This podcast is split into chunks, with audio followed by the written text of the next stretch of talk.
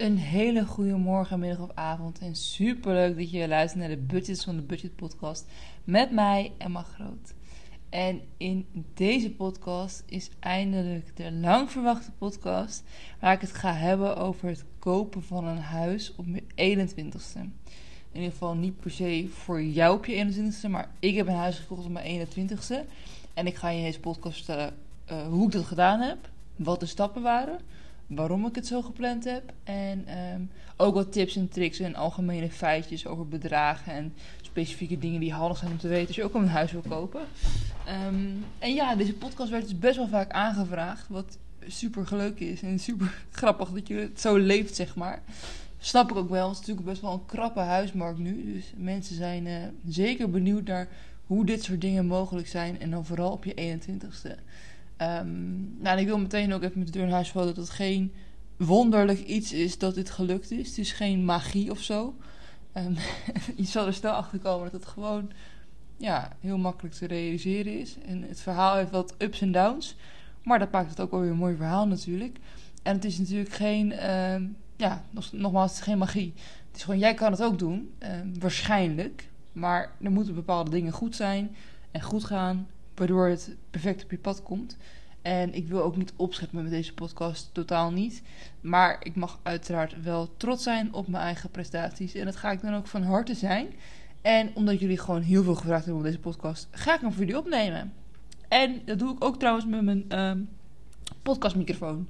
Want de laatste tijd merkte ik dat de kwaliteit van de audio wat naar beneden ging. En toen dacht ik, ja, uh, misschien moet ik weer een keer mijn podcast microfoon erbij pakken. Daar heb ik ook gekocht volgens mij. Dus misschien moet ik die gebruiken. En ik deed altijd gewoon heel netjes met mijn, uh, ja, gewoon of telefoon of mijn uh, laptop microfoon. Wat ook prima is natuurlijk, jullie verstaan me allemaal wel. Maar ik praat soms ook een beetje binnensmonds en niet heel duidelijk. Dus, en heel snel ook vaak. Dus dan is het wel gewoon fijn als je me gewoon iets beter kan horen. En ik ga gewoon een paar dingen testen of het beter is of niet. Ik wil binnenkort, ik denk in maart of april, ook zo'n podcastmaand doen. Dat ik elke werkdag een podcast ga opnemen. En dat wil ik dan buiten gaan doen. Zodat ik een soort van rondje van kan maken. En tegelijkertijd een podcast op kan nemen. Een soort multi iets. Dus um, ja, daar wordt de kwaliteit natuurlijk ook anders. Maar goed, we gaan het zien. Dat komt allemaal nog. En nu gaan we stoppen met die onzin. En gaan we gewoon beginnen met de podcast. Want ik heb geen idee hoe lang die wordt. Want ik heb wel wat voorbereid namelijk. Maar we gaan het hebben over het kopen van een huis. Oké, um, we beginnen helemaal bij het begin. Toen ik 21 was, was ik net afgestudeerd. En um, dat was de zomer van 2019, denk ik. Of 20. Van 2020 was het, ja. De zomer van 2020 was ik net afgestudeerd. En um, helemaal blij natuurlijk. Scriptie ingeleverd, positief, presentatie positief. Dus ik was officieel afgestudeerd. Wat betekende dat mijn uh, studeertijd erop zat. Want ik had voor mezelf al besloten, voordat ik überhaupt de studie startte... Oké, ik wil deze studie doen. Ik wil een diploma hebben. Dat vind ik gewoon fijn om te hebben. Een beetje zekerheid. En uh, daarna hou ik ermee op. ik ben niet een persoon die het leuk vindt om door te studeren... of die daar iets verder in ziet of zo. Dus ik had van tevoren al besloten... Oké, weet je, ik weet, na die vier jaar zit mijn studeertijd erop. Dan ga ik gewoon op zoek naar een baan. En misschien doe ik wel eens een cursus of zo, of wat dan ook. Maar ik ga geen vierjarige studie meer erbij doen. Terwijl andere klasgenoten van mij al, was die bijvoorbeeld hun tweede studie al. En die hadden al vier jaar op zitten en deden nu nog vier jaar. Uh, maar ik was heel stellig in. Ik had zoiets van, nee, ik wil dan al meteen uh, ja, aan de bak. En dat is natuurlijk ook de reden dat het zo vroeg uh, een huis heb. Maar goed, even in stapjes, zeg maar. Ja, we gaan even in stapjes. Oké, dus ik had mijn diploma in de pocket. En dat vond ik ook meteen het kantelpunt waarvan ik dacht... Ja, ik woon nu al 21 jaar bij mijn ouders. Wat super fijn is. Super goede situatie. Nooit last gehad. Nooit iets hoeven te betalen. Altijd alles geregeld. Dus ik had echt gewoon een luxe positie. En dat al 21 jaar. En nooit echt wat kunnen proeven van uh, wat het leven is en hoe de buitenwereld is. Want ik heb, ben ook nooit op kamers geweest bijvoorbeeld. Ik heb gewoon een studie gedaan in Leeuwarden en ik woon in Lemmer. Dus dat was uh, drie kwartier met het OV. Nou, dat was prima te doen. Uh, drie kwartier heen, of 50 minuten of zo, 50 minuten heen, 50 minuten terug. Dat was prima te doen. Zeker ook met de trein, want ik kon nog even in de trein leren. Dus ik ben nooit op kamers geweest. Dus ik had zoiets van: oké, nu wordt het wel eens tijd om te gaan kijken wat er voor mij is. Uh, of ik uit huis kan. Waar wil ik heen? Hoe en wat? Dus ehm, het werd voor mij de tijd echt. Dus het eind van de studie was een soort kantelpunt. Dat ik dacht: oké, je bent klaar met studeren. Je bent al 21. Nu wordt het dus tijd om echt uit huis te gaan. Um, en dus in die tijd had ik ook gewoon al een relatie met Dylan. Dus ik had al volgens mij anderhalf jaar, denk ik, met Dylan. Dus we hadden zoiets van, ja, misschien moeten we ook gewoon samen gaan zoeken. Want samen ben je sterker dan één. En het gaat goed, dus ja, waarom niet, weet je. Het, het kan prima.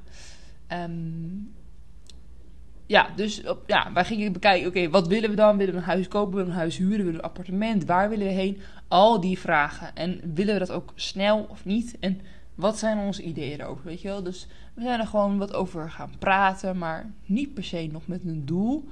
En, uh, oh sorry, voordat ik doorga. Deze podcast is ter inspiratie en niet voor advies. Alles wat ik zeg in de podcast is mijn ervaring, wat ik heb meegemaakt en mijn mening. En niet een advies om direct op te volgen, want dat zou natuurlijk ook raar zijn. Iedere situatie is anders. Maar dan weet je even, ik geef absoluut geen financieel advies. Ik geef je alleen mijn ervaring en ook mijn mening en inspiratie misschien om dingen aan te pakken. Oké, sorry, weer terug in de podcast. Ik was dus 21 jaar toen ik anderhalf, anderhalf jaar samen was met Dylan. En tijd om uit huis te gaan. En um, het was best een grote stap natuurlijk om in één keer te bedenken: oké, we gaan een huis kopen. Want dat was de conclusie. We wilden um, ja, een huis kopen. En ik heb altijd wel iets tegen huren gehad. Maar ja, iedereen is voor zijn ding natuurlijk. Ik heb altijd gewoon het idee gehad, ja, huren is gewoon puur per maand een bedrag betalen wat je niet meer terugziet. Het bedrag wat je betaalt gaat niet in je eigen, ja, hoe noem je dat, je eigen voordeel zitten. Het wordt alleen maar betaald. Het zijn alleen maar kosten. En het is niet een, een hoe noem je dat, eigen vermogen. Ja, dat is het goede woord, hè. Dat het voor jou helpt. En bij een huis kopen is het natuurlijk wel zo. Want als jij je hypotheek betaalt, dan los je dus een stukje van je huis af. En er zit ook wel rente in natuurlijk. Maar uh, de rente is nu op dit moment zo laag dat het voornamelijk gewoon aflossing is. En dan wordt dus een stukje voor stukje het huis meer van jou. Dus heb je ook echt, voor mij is het ook gewoon een soort ja, visueel doel van oké, ik krijg steeds meer een stukje huis. Dus het voelt natuurlijk veel machtiger, vind ik, dan een huis huren. Maar ieder zijn eigen ding daarvoor. Maar daarvoor hadden wij besloten, oké, wij willen een huis kopen. Dus we zijn gewoon gaan zoeken. En ja, de locatie was natuurlijk een dingetje. Um, ja, Dylan die werkt in Purmerend. Ik werk in Lelystad. Mijn ouders wonen in Lemmer. Dylan's ouders wonen in Hem en in Landsmeer. Dus we hadden zoiets van, oké, nou moeten we een goede keuze maken. Want dat is echt op alle plekken bijna Nederland. Alles in, over, zeg maar, de, hoe noem je dat, de meren. Uh, daar woont alles. Dus het is best wel breed. Dus toen dachten we, Almere. Ja, ik dacht Almere. Want Almere is ten eerste best wel groeiend. En mensen hebben echt een vooroordeel over Almere, vind ik. En het ligt mega centraal. Het ligt super dicht bij Utrecht. Het ligt super dicht bij Amersfoort. Het ligt super dicht bij Amsterdam. Het ligt op een uurtje van Lemmer. Het ligt op een dik uurtje van Hem. Het ligt op een half uurtje van Landsmeer. Het ligt op een half uurtje van Lelystad. Het ligt op drie kwartier, vijftig minuten van Permanent. Oftewel, eigenlijk alles wel binnen het uur als cirkeltje om Almere heen. En uh, dat was natuurlijk wel perfect. Maar ook omdat er natuurlijk veel, veel huizen worden gebouwd in Almere. Er veel woning is en er ook veel, wat, wat ik wel belangrijk vond, veel winkels zijn. Dus um, je hebt een Primark, je hebt een, uh, heel veel supermarkten, je hebt alles. Je hebt heel veel takeaway restaurants. Ja, dat zijn dingen waar ik persoonlijk heel blij van word. Dus uh, ik had de keuze gemaakt, ook uiteraard met Dylan, die was het er mee eens. Almere is misschien wel een goede plek. Maar ook weer vrijblijvend. Laten we gewoon kijken wat de opties zijn. Laten we niet per se alleen in Almere zoeken. Maar voor nu uh, lijkt dat de beste optie. Dus we zijn daar gaan zoeken op Funda eigenlijk voornamelijk naar huizen. Oké, gewoon een beetje de inspiratie. Je weet hoe het gaat. Je hebt gewoon... Um, we hadden nog niet echt zo'n definitief doel, weet je. We hadden zoiets van, oké, we willen uit huis, maar het hoeft echt niet alle minuut. Want er was toen ook echt al een krappe huizenmarkt in 2020, zeker. Dat is echt heel hoog. Iedereen klaagde erover. Moet je nagaan hoe het nu is. het is alleen maar weer erger. Maar um, ja, dus we hadden zoiets van, weet je, het hoeft allemaal niet alle minuut, want die huizenprijzen zijn intens hoog. Misschien gaan ze nog wel naar beneden, die huizenprijzen. En dat is niet voor ons een nieuw moment om een huis te kopen. Dus we gingen gewoon een beetje vrijblijvend kijken. Maar ook om wat te leren van hoe, je, uh, hoe het proces gaat van een bezichtiging. Hoe het proces gaat van een huisbieding, et cetera. Ik heb namelijk nog nooit zoiets meegemaakt. Ik heb nog nooit een huis bezocht. Ik ben nog op kamers geweest. ik heb nog nooit iets van dat soort dingen meegemaakt. Dus het was voor mij ook gewoon één groot leerproces. En ik vond het tof dat we het gewoon samen gingen doen. Om gewoon een beetje wat van het grote mensenleven te proeven. Ehm, dus ja, ik vond een paar huizen op, uh, op uh, Funda. Ik ben er zelf wat ondernemer erin. Dus ik ging vooral op zoek. En ik had wat dingen doorgestuurd naar Dylan. En um, we vonden één huis echt heel mooi. Andere wel oké. Um, en toen gingen we proberen om bezichtigingen in te plannen. Was best spannend natuurlijk. Want dat is natuurlijk... Als, ja, als je gaat bezichtigen, wordt het toch wel een beetje echt. Weet je wel, dan ga je echt ergens heen. Dan moet je dus veel tijd insteken. moet je moeite doen. Dus dan wordt het iets echter al. Dus we vonden het best spannend om dat te gaan afspreken. Maar het scheelde dat bijna... Ja, het scheelde... niet heel negatief, maar het scheelde dat bijna alles vol zat. Waardoor we dat niet per se konden doen. Er was um, twee plekjes nog. Eén uh, plekje bij het huis dat we super mooi vonden. En één plekje bij het huis dat we iets minder mooi vonden, maar op zich ook prima huisje. Dus we dachten, ja, dan gaan we... Want het was ook heel lastig, want Dylan had gewoon zijn werk. Ik had mijn werk, we moesten wel door de weeks. Dus we moesten echt vrij vragen ervoor. Dus dat was op, op zich best lastig. Dus we hadden besloten, laten we eerst even een bezichtiging doen bij dat mooie huis. Want dat is natuurlijk veel logischer dan bij het mindere mooie huis. En dan kijken we dan wel verder. En hoeven we nu geen haast te maken. Misschien moeten we dan twee en drie maanden later weer eens kijken. Dus, die mochten we maken. Er was plek. We mochten naar het huis toe. Nou, prima. Hartstikke leuk, want het was een super, super mooi huis. Dus wij daar binnen toe. Uh, die makelaar was er. Er ging ook wat mis. Er was wat water overstroomd. Het was een beetje een rare makelaar ook. Maar uh, ja, wij gingen gewoon het huis bekijken. En ook geen idee natuurlijk waar je op moet letten. En ja, op welke, of je foto's mag maken of niet. Het huis stond aangeboden voor 275.000 euro trouwens. Dat was een vraagprijs. En um, ja, we zagen dus inderdaad andere huizen, maar was geen bezichtiging mogelijk. En die waren ook wat duurder soms. Terwijl dit huis dus best mooier was. Dus we hadden die bezichtiging. En um, oh ja, goed om tussendoor te melden. Let bij een bezichtiging wel op of het huis bijvoorbeeld opmerkelijk gebreken hebt. Dus wij zijn er echt geweest en we zijn gekeken, oké, wat valt er op en wat niet. Weet je, is de muur goed en de kozijnen goed. Zo hebben we een beetje globaal gekeken. Dat was natuurlijk ook alle allereerste bezichtiging niet echt kunnen voorbereiden. Dus we hebben echt heel globaal gekeken en niet op details. Ik zou je aanraden om het wel te doen, want ja, zo zie je natuurlijk het beste met je eigen oog. Um, en doe het liefst ook overdag. Want dan zie je natuurlijk bij daglicht gewoon de staat van het huis. En dat is natuurlijk veel uh, reëler dan als je het bekijkt in de avond, waar je waarschijnlijk de helft niet kan zien als er iets verborgen gebruikt heeft. Dus probeer het in overdag te plannen. En probeer ook te vragen of je foto's mag maken. Tenminste, vraag of je foto's mag maken. Want als je eigen foto's mag maken, werkt dat natuurlijk tien keer beter dan je eigen geheugen. En dat je achteraf zegt: Oh ja, dit was wel heel mooi. En dan kijk je de foto's op Funda en denk je: Oh ja, het was inderdaad heel mooi. Terwijl misschien was het helemaal niet mooi. En zie je op de foto terug dat het alweer tegenvalt. Want die foto's zijn natuurlijk echt perfect gemaakt en totaal niet realistisch. Dus vraag of je foto's mag maken. Ik heb het gewoon gedaan. Op een gegeven moment werden we losgelaten door die makelaar. Mochten we zelf gaan kijken. Toen heb ik gewoon wat foto's gemaakt. Maar het was wel netjes geweest als ik het even gevraagd had. Dus misschien is dat de goede. En je kunt een bouwtechnische keuring aanvragen bij de makelaar. Dan kun je dus achterhalen wat de staat is van het huis. En of er inderdaad verborgen gebreken zijn. Of dat er recent onderhoud is geweest. Uh, hebben wij niet gedaan omdat het natuurlijk heel vrijblijvend was. We hadden geen idee, willen we dit huis wel of willen we het huis niet? Uh, gaan we überhaupt iets met dit huis doen? Het is gewoon meer denk om te testen of we het leuk vinden om huizen te bezichtigen. Of dit is wat we willen. Dus we hebben het niet gedaan. Ook is het een goede reden om het niet te doen. Omdat een makelaar dan een stapje extra voor jou moet doen. En zeker met zo'n krappe huizenmarkt is het natuurlijk voor een makelaar veel fijner als jij geen bouwkundige keuring vraagt. Want dan hoeven ze geen moeite te doen en kunnen ze meteen jouw bod aannemen.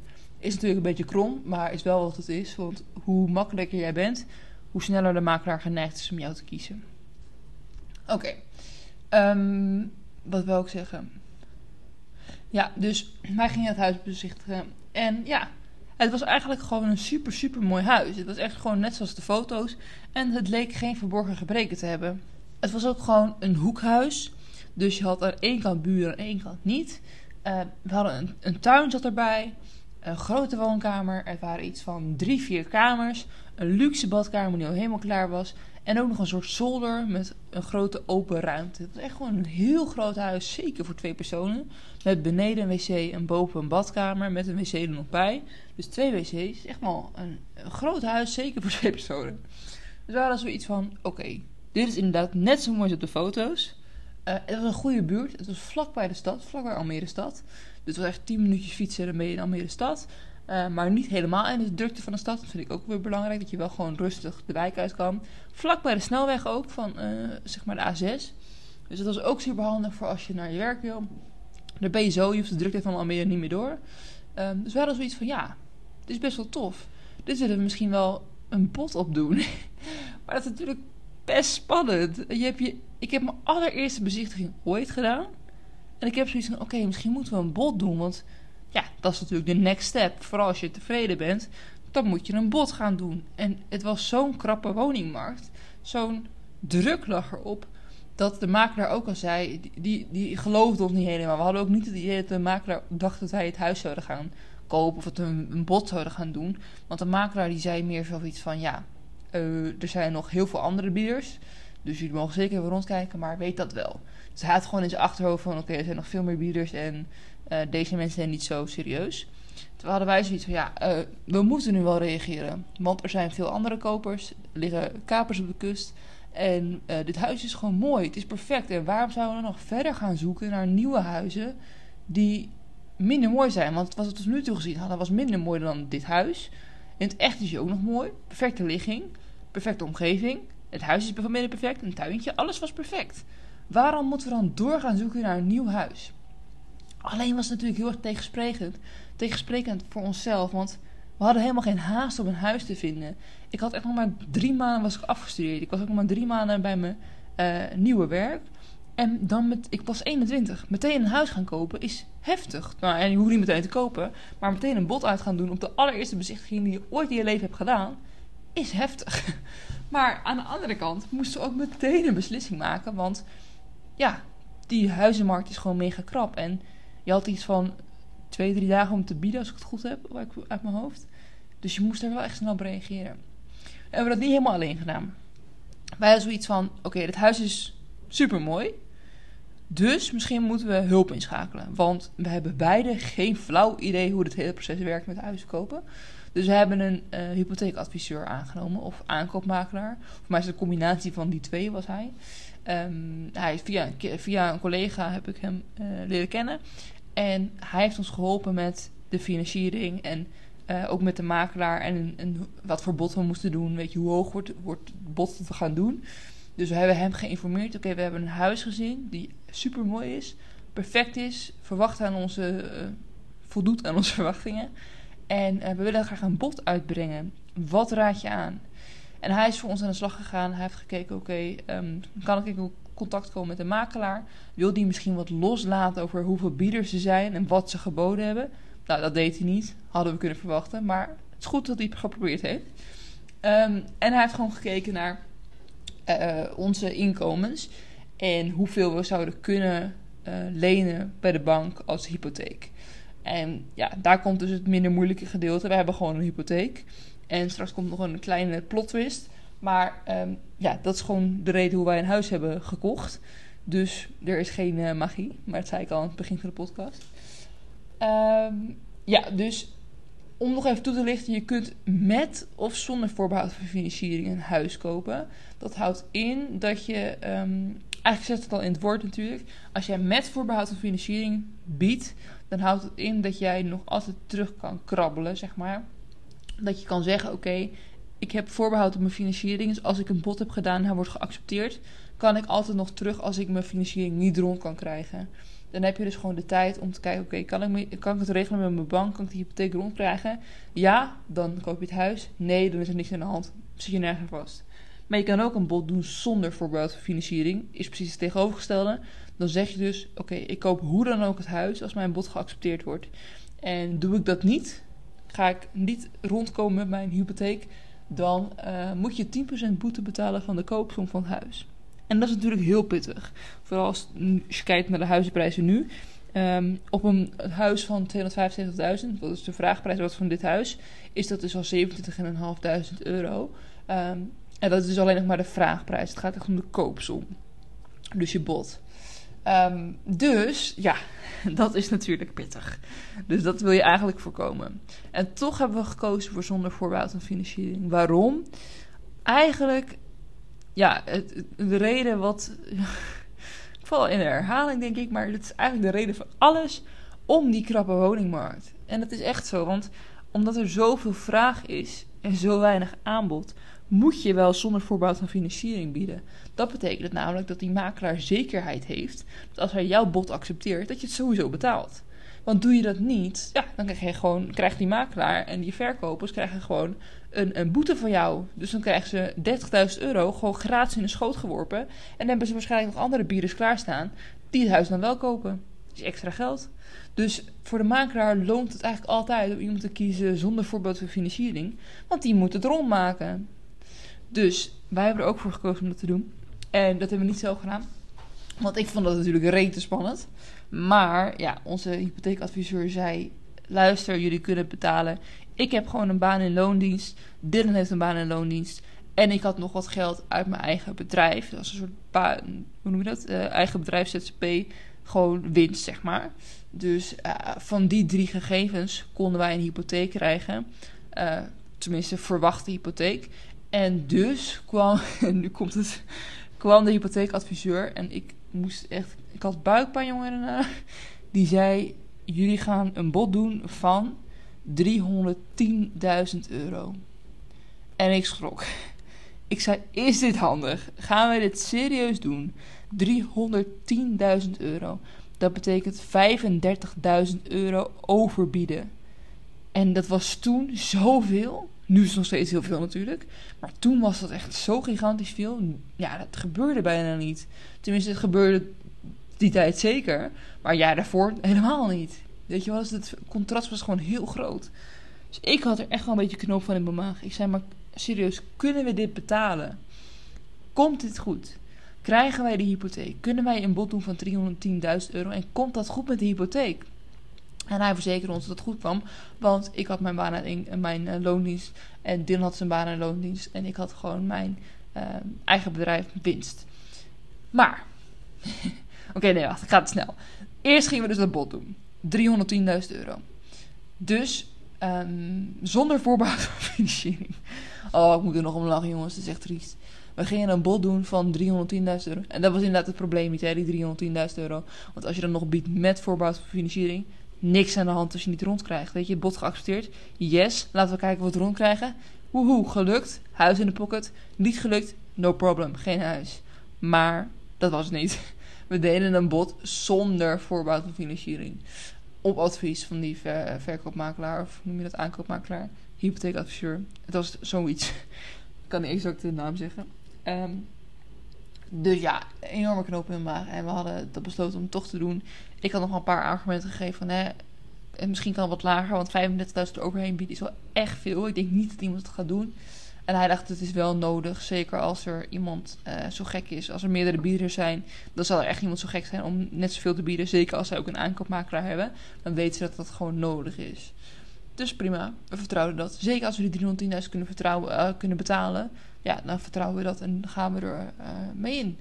Dus um, het ging natuurlijk allemaal heel snel, hè. Ik vertel het nu ook heel snel. Maar je moet nagaan, in een paar weken tijd, iets van drie, vier weken tijd... hadden we, een hadden we bedacht dat we een huis wilden kochten, kopen. Hadden we op Funda gekeken, hadden we een bezichtiging gepland... hadden we um, een aankoopmakelaar geregeld... hadden we een bod gedaan op het huis. En daar waren we nu. Allemaal binnen twee, drie weken of zo. Dus het gaat zo snel. Je bent ook helemaal niet bezig met nadenken. Je bent alleen maar gaan, gaan, gaan. Uh, ben je trouwens, woon je in een, in een kleiner dorp en wil je een, een, een huis kopen, bijvoorbeeld een klein dorp in Friesland, kun je waarschijnlijk wel met voorbouwde financiering. Hier is het gewoon niet mogelijk in Almere, want ja, de concurrentie is veel te hoog. Oké, uh, ja, wij hadden dus uh, contact met die hypotheekadviseur en die ging ons daar weer helpen. Die had dus exact uitgemeten hoe en wat. Um, en ja, wij hadden gewoon nul ervaring. En hij kreeg trouwens ook gewoon natuurlijk een vast bedrag dat uit achteraf verwerkt werd. Ja, dat kost niet gigantisch veel, zeker niet op, op vergelijking met een huis. Maar het is wel een, uh, een investering. Maar ik denk wel dat je investering waard is, zeker als je geen ervaring hebt met uh, huis kopen. En hij deed ook gewoon het contact met de bank qua hypotheek en ook dus met de makelaar. Dus dat was wel heel fijn, want zeker wij weten er niks van. We hadden in eerste instantie berekend trouwens dat we een hypotheek konden kopen. Je hebt natuurlijk al online allemaal tools om te berekenen hoeveel hypotheek kan je betalen. Dat we ongeveer 225.000 euro hypotheek konden betalen. Maar hij berekende dus ongeveer 300.000, 310.000. En dat was ook nog een beetje eigen geld dus. Want hij had volgens mij berekend 300.000 kunnen we um, bij de bank krijgen. En eh, ik had nog wat eigen geld, dus we konden een bod doen van 310.000 euro. En ehm, ja, dit is heel spannend, maar we hebben het gedaan. We hebben een bod gedaan van 310.000 euro zonder voorbouwde financiering. En dan is het wachten. Want dan weet je, oké, je krijgt binnenkort reactie. De makelaar gaat kijken naar de biedingen die binnen zijn gekomen en die gaat kiezen. En we weten natuurlijk niet wat de rest heeft gedaan. Of er überhaupt een rest is. Ehm, maar dat was heel spannend. En een bod kan je in principe altijd doen. Hè? Je kan altijd een bod doen, zeker met voorbouwde financiering. Maar je hebt altijd gewoon drie dagen om je terug te trekken. Dat blijft altijd, met of zonder uh, voorbouwde financiering. Je hebt drie dagen om je terug te trekken. En drie dagen is heel weinig, maar je hebt ze wel. En daarom is het dan heel handig om gewoon alles te weten voor de, van het huis voordat je een bod uitbrengt. Want dan um, kun je ook een goed bod uitbrengen. Bijvoorbeeld hoe snel de verkopers van het huis af willen. Of dat er verborgen breken zijn, wat ik allemaal zijn. Dit speelt natuurlijk mee met de prijs. Um, onze ja, hypotheekadviseur had dit bedrag dus. Ik lees ondertussen natuurlijk van mijn blaadje af. Dus af en toe ga ik niet helemaal met mijn verhaal heen.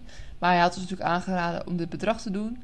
En hij wilde nog spreken uh, over andere bieders, maar die lieten niks los.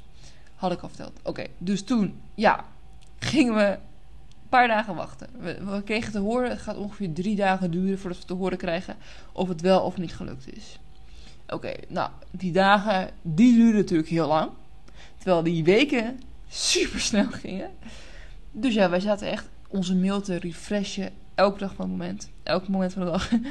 en um, op een gegeven moment kwam er een mailtje. Heel vaag, waarin stond... Um, ik was niet helemaal duidelijk of het dan wel of niet gelukt was. En het was een mailtje van onze hypotheekadviseur en die zei...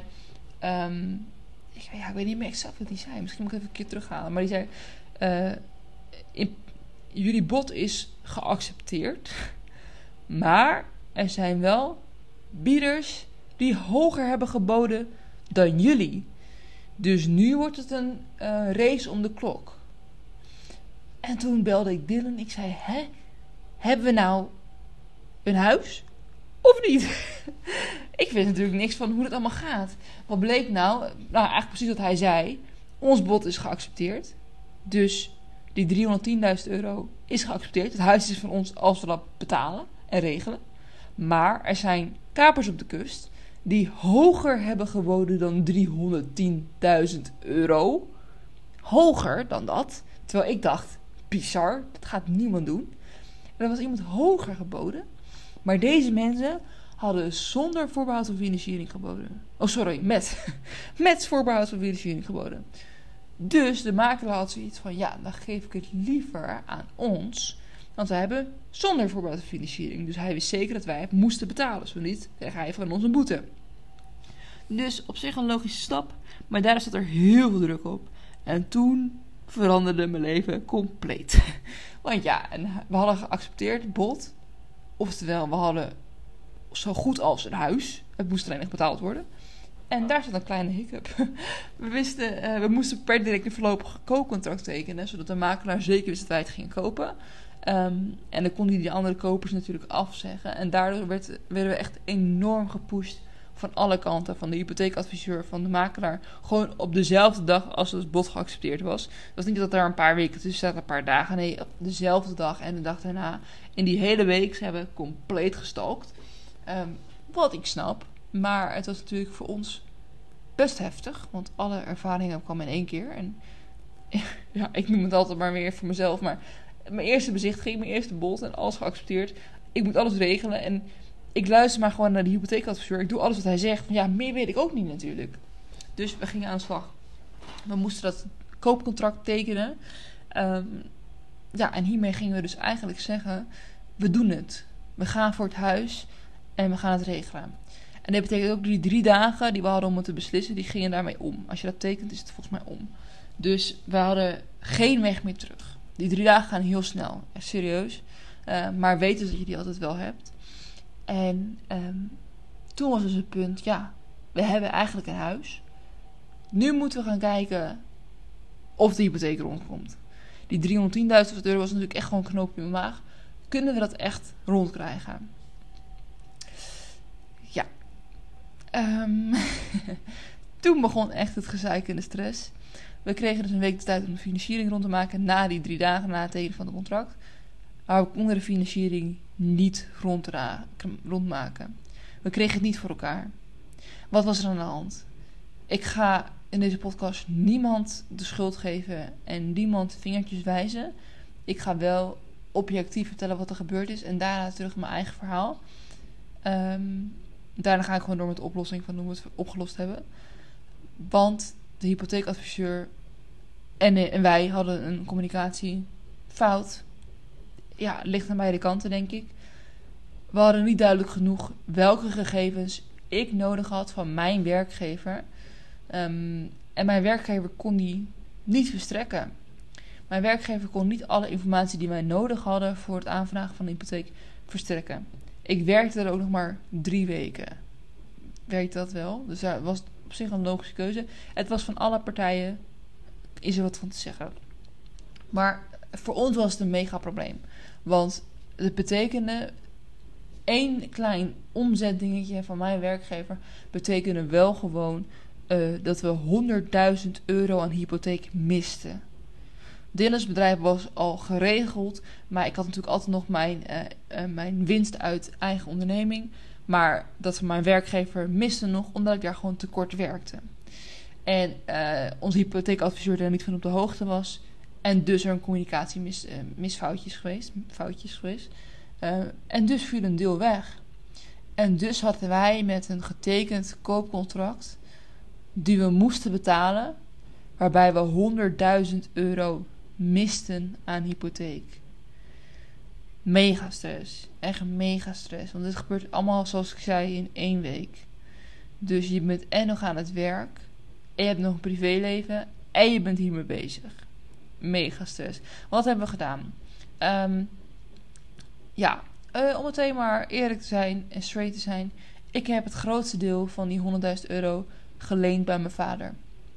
En ik heb een klein deel daarvan, nou ja, ik ga niet in details treden hoeveel, maar een, een klein deel, niet de helft, minder dan de helft, heb ik uit mijn eigen spaarpot gehaald. Want ik had nog best wel wat op mijn bankrekening staan.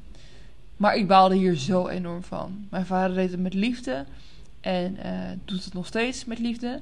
Maar ik vind dat zo, zo balen nog steeds. Ik kan me er ook een beetje om schamen. En waarom? Ja, geen idee. Het is natuurlijk gewoon niet nodig. Maar ik schaam me er nog steeds wel een beetje voor. Dat ik denk, ja, ik had zeker dit huis niet willen hebben. Als ik van tevoren wist dat ik geld zou moeten lenen van mijn ouders. Dat had ik niet gewild. Want ik wil gewoon mezelf zien als independent woman. En daar sta ik ook heel sterk achter. En ik wil gewoon online kunnen delen over geld besparen. Over hoe je met geld om moet gaan. En dan moet ik wel zelf gewoon. Dan vind ik dat ik zelf ook gewoon daar sterk in moet zijn. En niet geld nodig heb van mijn vader. Maar het was niet anders. Ik had echt geen keus. We hadden het huis. Het was of ik moest een lening vragen bij mijn vader. Of we moesten 30.000 euro boete betalen. 30.000 euro. Ja, sorry, maar dat is zo zonde. Gewoon zomaar 30.000 euro.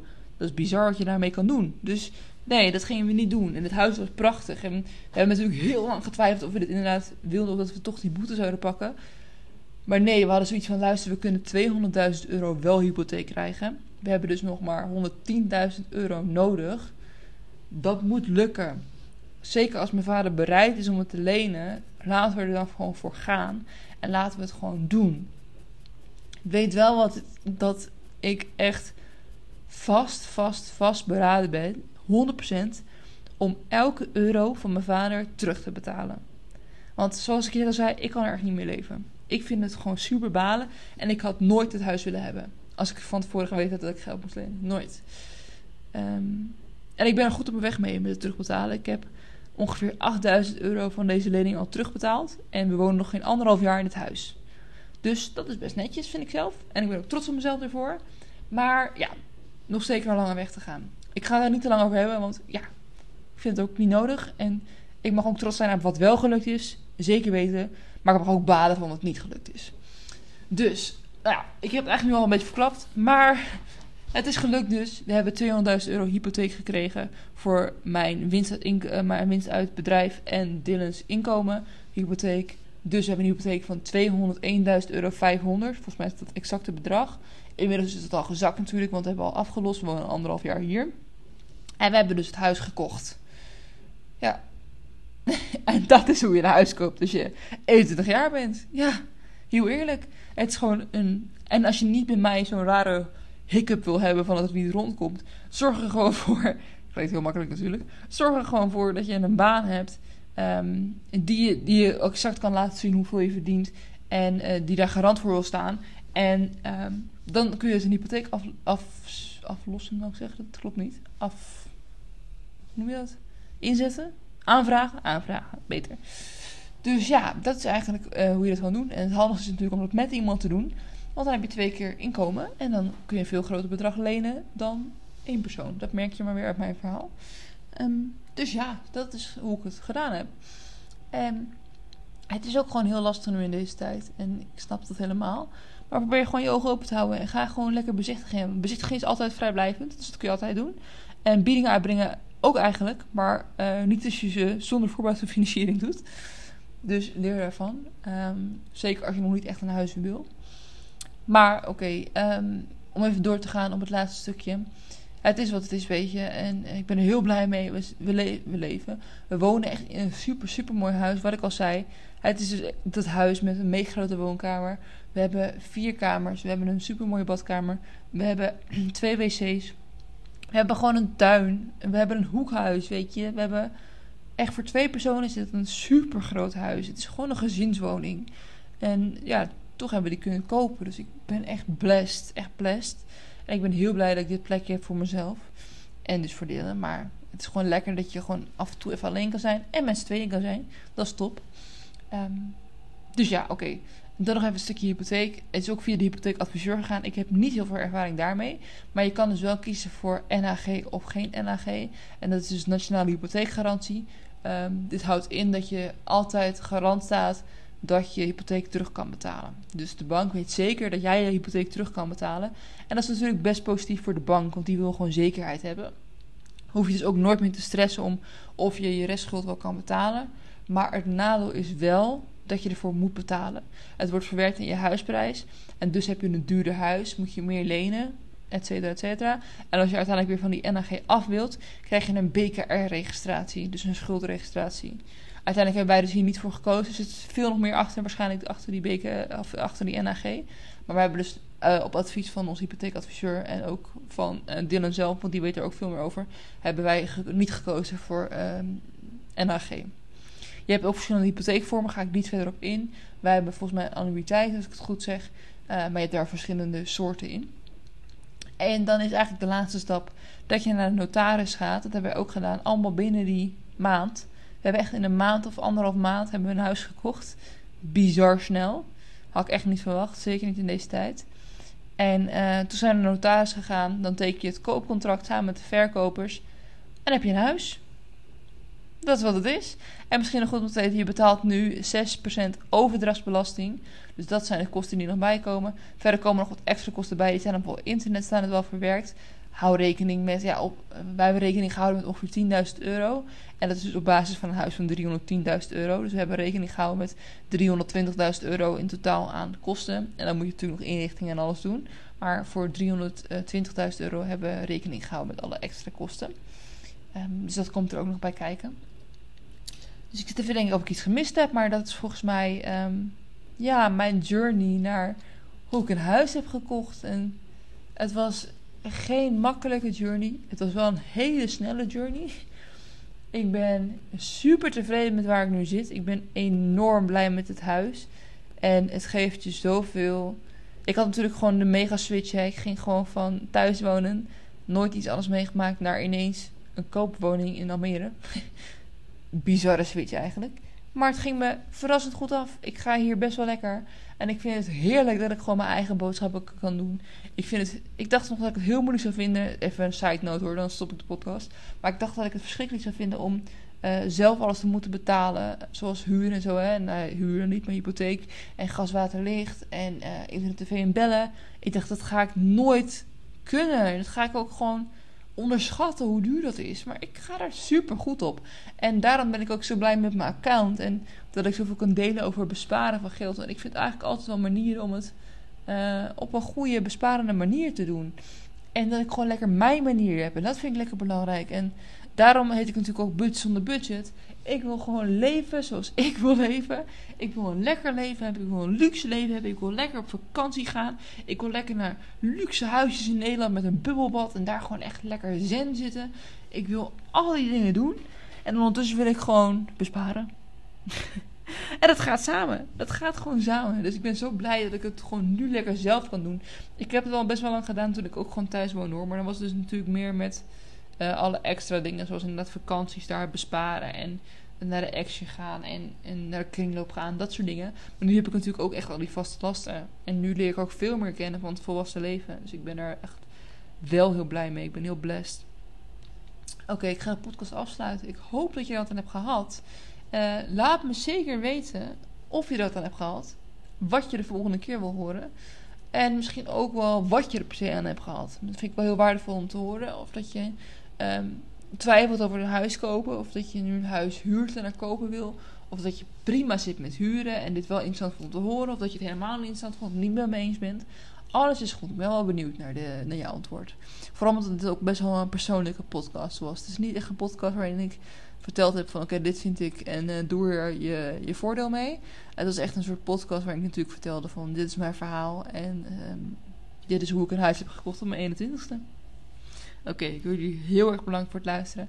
Uh, eh, DM op Instagram vind ik super tof om verder te kletsen hierover. En dan hoor ik je heel graag weer naar de volgende podcast. Dankjewel voor het luisteren en tot de volgende keer. Doei doei!